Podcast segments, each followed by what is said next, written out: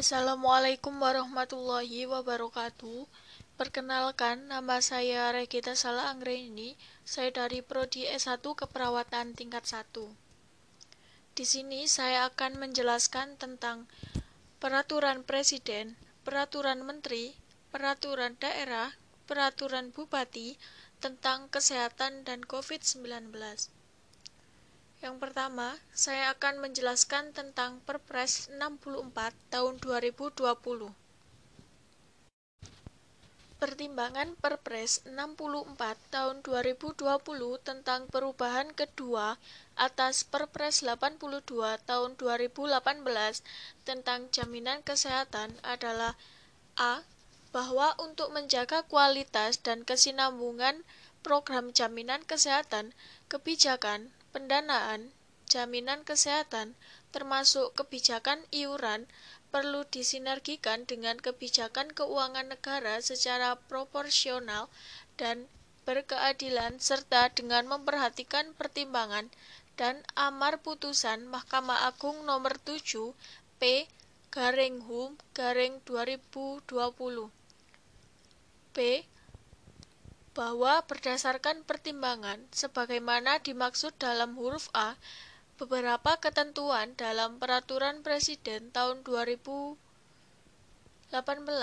nomor 82 tentang jaminan kesehatan sebagaimana telah diubah dengan Peraturan Presiden nomor 75 tahun 2019 tentang perubahan atas Peraturan Presiden Nomor 82 Tahun 2018 tentang jaminan kesehatan perlu disesuaikan.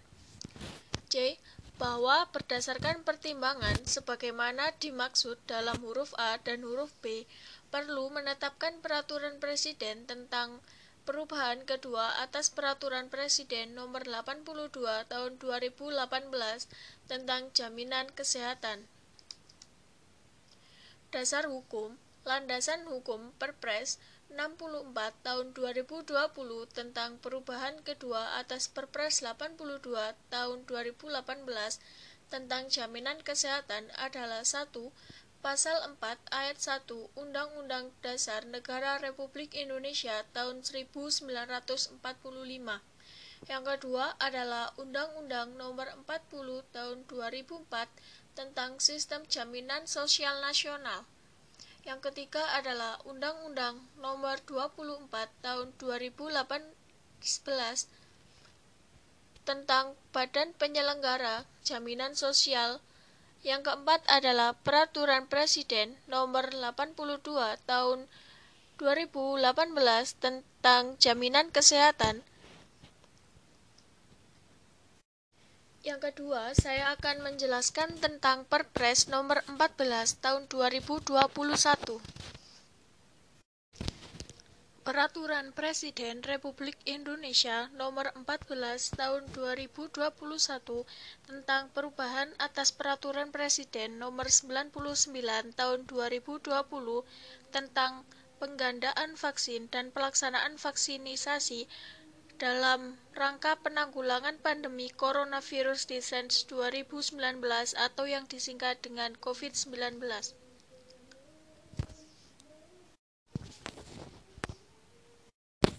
Ketentuan ayat 2 pasal 4 diubah sehingga berbunyi sebagai berikut. Pasal 4 ayat 1 yaitu pelaksanaan penggandaan vaksin COVID-19 sebagaimana dimaksud dalam pasal 3 yang kedua adalah kerjasama dengan lembaga atau badan internasional sebagaimana dimaksud pada ayat 1 huruf C. Yang kedua adalah ketentuan ayat 4, ayat 5, dan ayat 6, pasal 6 dihapus, sehingga berbunyi sebagai berikut. Pasal 6 yaitu penunjukan langsung badan usaha penyedia sebagaimana dimaksud dalam pasal 4 ayat 1 huruf B dilakukan oleh Menteri Kesehatan. Yang kedua, jenis dan jumlah penggandaan vaksin COVID-19 dimaksud penunjukan langsung sebagaimana dimaksud pada ayat 1 ditetapkan oleh Menteri Kesehatan. Yang ketiga adalah badan usaha sebagaimana dimaksud pada ayat 1 meliputi badan usaha nasional atau badan usaha asing yang memenuhi persyaratan ayat 4, 5, dan 6 dihapus. Yang ketiga adalah ketentuan ayat 1 dan ayat 2 pasal 11 diubah. Yang keempat adalah di antara pasal 11 dan pasal 12 disisipkan dua pasal, yakni pasal 11A dan pasal 11B. Yang kelima adalah di antara pasal 13 dan pasal 14 disisipkan dua pasal, yakni pasal 13A dan pasal 13B. Yang keenam adalah di antara pasal 15 dan pasal 16 disisipkan dua pasal, yakni pasal 15A dan 15B. Yang ketujuh adalah ketentuan pasal 19 diubah sehingga berbunyi sebagai berikut. Pasal 19 dalam rangka penyediaan vaksin COVID-19 dapat dilakukan pembayaran di muka. Dalam pelaksanaan pembayaran di muka atau uang muka sebagaimana dimaksud pada ayat 1 penyedia harus menyampaikan jaminan berupa pernyataan kesanggupan untuk melaksanakan pekerjaan dan dicantumkan di dalam perjanjian. 3. Dalam hal badan usaha asing atau lembaga internasional sesuai tata kelolanya tidak dapat kesanggupan sebagaimana dimaksud pada ayat 2. Yang keempat, pembayaran penyedia vaksin COVID-19 sesuai dengan tahapan yang disepakati dalam perjanjian atau kontrak.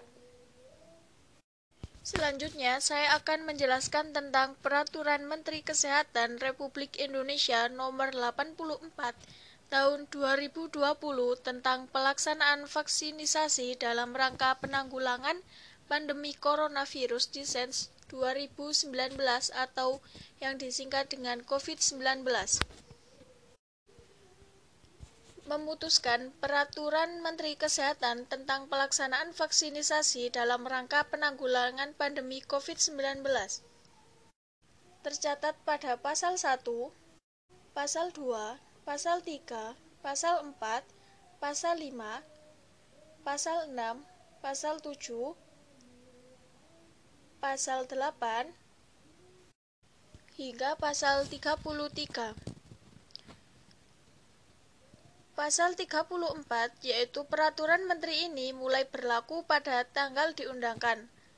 Agar setiap orang mengetahuinya, memerintahkan pengundangan peraturan menteri ini dapat penempatannya dalam berita Negara Republik Indonesia. Selanjutnya, saya akan menjelaskan tentang Peraturan Gubernur Jawa Timur Nomor 53 Tahun 2020 tentang penerapan protokol kesehatan dalam pencegahan dan pengendalian coronavirus disease 2019 atau yang bisa disingkat dengan COVID-19 memutuskan peraturan gubernur tentang penerapan protokol kesehatan dalam pencegahan dan pengendalian coronavirus disease 2019. Di dalam peraturan ini terdapat ketentuan umum yaitu terdapat pada pasal 1 bab 2 tentang ruang lingkup yang terdapat pada pasal 2 bab 3 yaitu pelaksanaan bagian kesatuan umum yaitu pasal 3 bagian kedua pembatasan kegiatan masyarakat yaitu pasal 4 bagian ketiga protokol kesehatan yaitu pasal 5 pasal 6 tempat dan fasilitas umum. Bab 4 tentang monitoring dan evaluasi terdapat pada pasal 7 dan pasal 8. Bab 5 pengenaan sanksi bagian ke-1 sanksi administrasi pada pasal 9 dan pasal 10, pasal 11 hingga pasal 16. Bab 6 sosialisasi dan partisipasi terdapat pada pasal 17 dan 18. Bab 7 yaitu pendanaan tertuang pada pasal 19. Bab 8 yaitu ketentuan penutup yaitu tertuang pada pasal 20 yaitu peraturan gubernur ini mulai berlaku pada tanggal diundangkan agar setiap orang mengetahui dan memerintahkan pengundangan peraturan gubernur ini dengan penempatannya dalam berita daerah Provinsi Jawa Timur. Selanjutnya, saya akan menjelaskan tentang Peraturan Bupati Malang nomor 57 tahun 2020 yaitu tentang pedoman tatanan normal baru pada kondisi pandemi coronavirus Disease 2019. Mengingat peraturan Bupati Malang yang pertama yaitu Undang-Undang Nomor 12 Tahun 1950 tentang pembentukan daerah-daerah kabupaten di lingkungan Provinsi Jawa Timur. Yang kedua yaitu Undang-Undang Nomor 4 Tahun 1984 tentang wabah penyakit menular. Yang ketiga adalah Undang-Undang Nomor 24 Tahun 2007 tentang penanggulangan bencana. Yang keempat adalah Undang-Undang Nomor 36 Tahun 2009 tentang Kesehatan. Yang kelima adalah Undang-Undang Nomor 12 Tahun 2011 tentang Pembentukan Peraturan Perundang-undangan. Yang keenam adalah Undang-Undang Nomor 23 Tahun 2014 tentang Pemerintahan Daerah. Yang ketujuh adalah Undang-Undang Nomor 6 Tahun 2018 tentang Kekarantinaan Kesehatan. Yang ke-8 adalah Undang-Undang Nomor 2 Tahun 2020 tentang penetapan peraturan pemerintah pengganti Undang-Undang Nomor 1 Tahun 2020.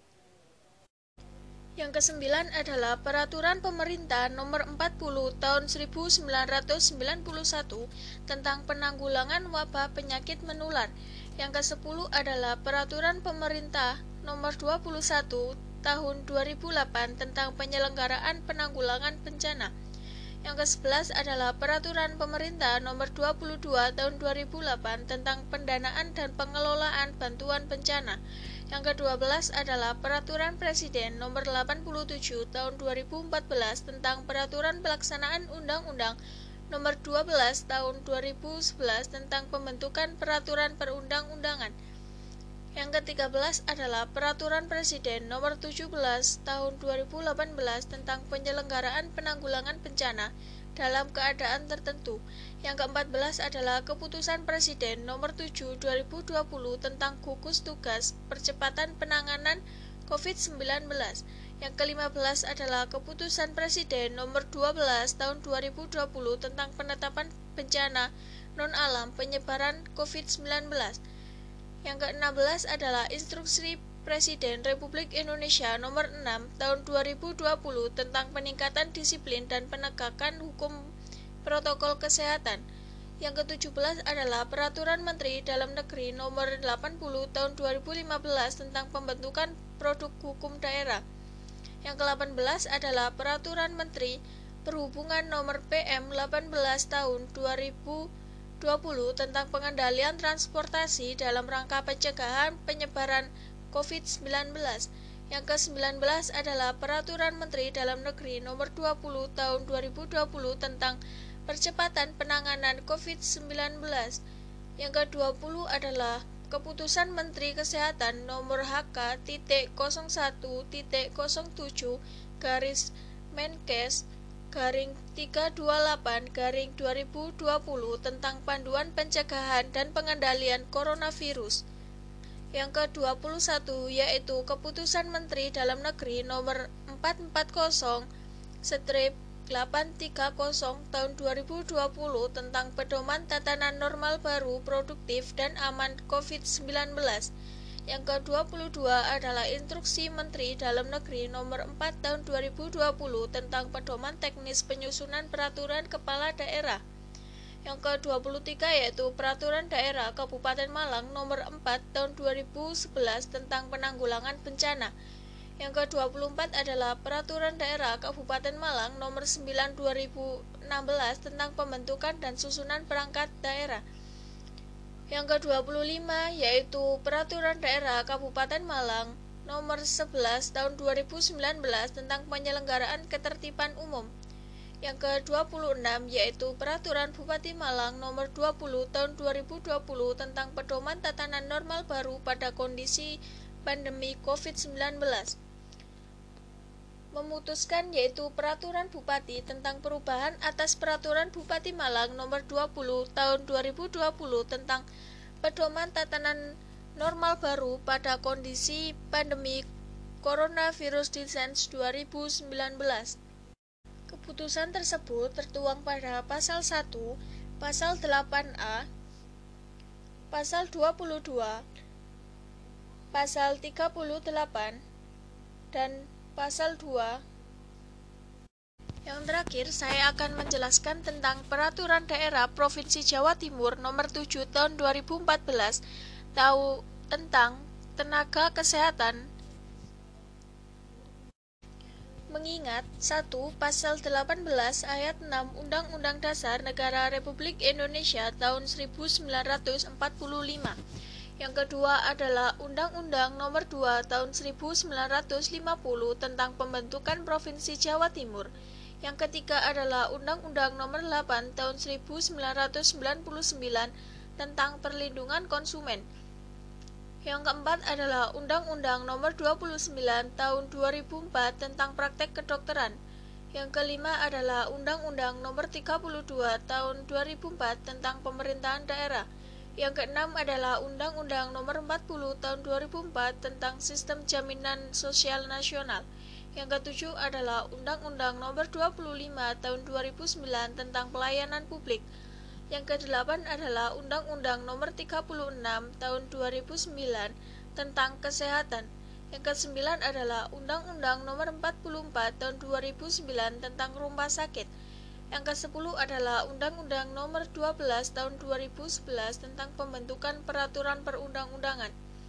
Yang ke-11 adalah Undang-Undang Nomor 12 Tahun 2012 tentang Pendidikan Tinggi. Yang ke-12 adalah Undang-Undang Nomor 5 Tahun 2014 tentang Aparatur Sipil Negara. Yang ke-13 adalah Peraturan Pemerintah Nomor 32 Tahun 1996 tentang Tenaga Kesehatan. Yang ke-14 adalah Peraturan Pemerintah Nomor 9 Tahun 2003 tentang Wewenang Pengangkatan pemindahan, pemberhentian pegawai negeri sipil. Yang ke-15 adalah Peraturan Pemerintah Nomor 79 Tahun 2005 tentang Pedoman Pembinaan dan Pengawasan Penyelenggaraan Pemerintahan Daerah. Yang ke-16 adalah Peraturan Pemerintah Nomor 38 Tahun 2007 tentang Pembagian Urusan Pemerintahan antara pemerintah, pemerintah daerah, provinsi, dan pemerintah daerah kabupaten atau kota. Yang ke-17 adalah Peraturan Pemerintah Nomor 51 Tahun 2009 tentang Pekerjaan Kefarmasian. Yang ke-18 adalah Peraturan Pemerintah Nomor 46 Tahun 2011 tentang penilaian prestasi kerja pegawai negeri sipil. Yang ke-19 adalah Peraturan Presiden Nomor 8 Tahun 2012 tentang Kerangka Kualifikasi Nasional Indonesia. Yang ke-20 adalah Peraturan Presiden Nomor 72 Tahun 2012 tentang Sistem Karan Sistem Kesehatan Nasional. Yang ke-21 adalah Peraturan Menteri Kesehatan Nomor 971 Garing Menkes Garing Per Garing 11 Garing 2009 tentang standar kompetensi penjabat struktural kesehatan. Yang ke-22 adalah Peraturan Menteri Kesehatan Nomor 2052 garing Menkes garing Per garing 10 garing 2011 tentang izin praktek dan pelaksanaan praktek kedokteran. Yang ke-23 adalah Peraturan Bersama Menteri Hukum dan Hak Asasi Manusia dan Menteri Dalam Nomor 20 Tahun 2012 Nomor 77 Tahun 2012 tentang parameter hak asasi manusia dalam pembentukan produk hukum daerah. Yang ke-24 adalah Peraturan Menteri Kesehatan Nomor 6 Tahun 2013 tentang kriteria fasilitas pelayanan kesehatan terpencil, sangat terpencil, dan fasilitas pelayanan kesehatan yang tidak diminati. Yang ke-25 adalah Peraturan Menteri Kesehatan Nomor 7 Tahun 2013 tentang pedoman pengangkatan dan penempatan dokter dan bidan sebagai pegawai tidak tetap. 26 yaitu Peraturan Menteri Kesehatan Nomor 9 Tahun 2013 tentang penugasan khusus tenaga kesehatan 27 yaitu Peraturan Menteri Kesehatan Nomor 46 Tahun 2013 tentang registrasi tenaga kesehatan 28 Peraturan Menteri Kesehatan Nomor 67 Tahun 2013 tentang pendayagunaan tenaga kesehatan warga negara asing di Indonesia 29 yaitu Peraturan Menteri Dalam Negeri Nomor 1 Tahun 2014 tentang pedoman pembentukan produk hukum daerah. 30 yaitu Keputusan Menteri Kesehatan Nomor 922 Garing Menkes Garing SK Garing 10 Garing 2008 tentang pedoman teknis pembagian urusan pemerintahan bidang kesehatan antara pemerintah, pemerintah daerah provinsi, dan pemerintahan daerah kabupaten atau kota. 31 yaitu Peraturan Daerah Provinsi Jawa Timur Nomor 9 Tahun 2008 tentang organisasi dan tata kerja dinas daerah Provinsi Jawa Timur. 32 yaitu Peraturan Daerah Provinsi Jawa Timur Nomor 8 Tahun 2011 tentang pelayanan publik. 33 yaitu Peraturan Daerah Provinsi Jawa Timur Nomor 1 Tahun 2013 tentang pembentukan Peraturan Daerah Provinsi Jawa Timur Dengan persetujuan bersama, Dewan Perwakilan Rakyat Daerah Provinsi Jawa Timur dan Gubernur Jawa Timur memutuskan yaitu peraturan daerah tentang tenaga kesehatan tercantum pada bab 1 yaitu ketentuan umum pasal 1 bab 2 yaitu asas, maksus dan tujuan tertuang pada pasal 2, pasal 3, pasal 4. Bab 3 yaitu ruang lingkup tertuang pada pasal 5 Bagian ke-1 perencanaan yaitu pasal 6 dan pasal 7. Bagian kedua pengadaan yaitu paragraf 1 umum pasal 8. Paragraf 2 penerimaan yaitu pasal 9. Pasal 10. Paragraf 3 pengembangan dan pelatihan tenaga kesehatan yaitu tertuang pada pasal 11, pasal 12, pasal 13 Bagian ketiga pendaya gunaan paragraf 1 umum yaitu pasal 14. Paragraf 2 penempatan umum tertuang pada pasal 15. Paragraf 3 penempatan khusus yaitu pasal 16. Pasal 17. Paragraf 4 pendaya gunaan tenaga kesehatan warga negara asing tertuang pada pasal 18 Bagian keempat, pembinaan dan pengawasan, paragraf 1 umum, pasal 19, paragraf 2, sertifikasi, yaitu pasal 20, paragraf 3, yaitu registrasi, pasal 21, paragraf 4 adalah perizinan, yaitu pasal 22, dan pasal 23, Bab 4 yaitu jenis tenaga kesehatan tertuang pada pasal 24 Bab 4 adalah hak dan kewajiban. Bagian ke-1 hak dan kewajiban setiap orang tertuang pada pasal 25, 26. Bagian kedua, hak dan kewajiban tenaga kesehatan pasal 27, 28. Bab 5 tentang organisasi dan standar profesi tertuang pada pasal 29, pasal 30, pasal 31, pasal 32, dan pasal 33 Bab 6 adalah pembiayaan yaitu tertuang pada pasal 34. Bab 7 yaitu peran serta masyarakat tertuang pada pasal 35. Bab 8 adalah penyelesaian penyelisian tenaga kesehatan tertuang pada pasal 36. Bab 9 adalah sanksi administrasi tertuang pada Pasal 37 Bab 10 adalah ketentuan penyidikan yaitu terdapat pada pasal 38. Bab 11 adalah ketentuan pidana tertuang pada pasal 39. Bab 12 adalah ketentuan penutup yaitu tertuang pada pasal 40 dan pasal 41. Demikian penjelasan dari saya. Terima kasih.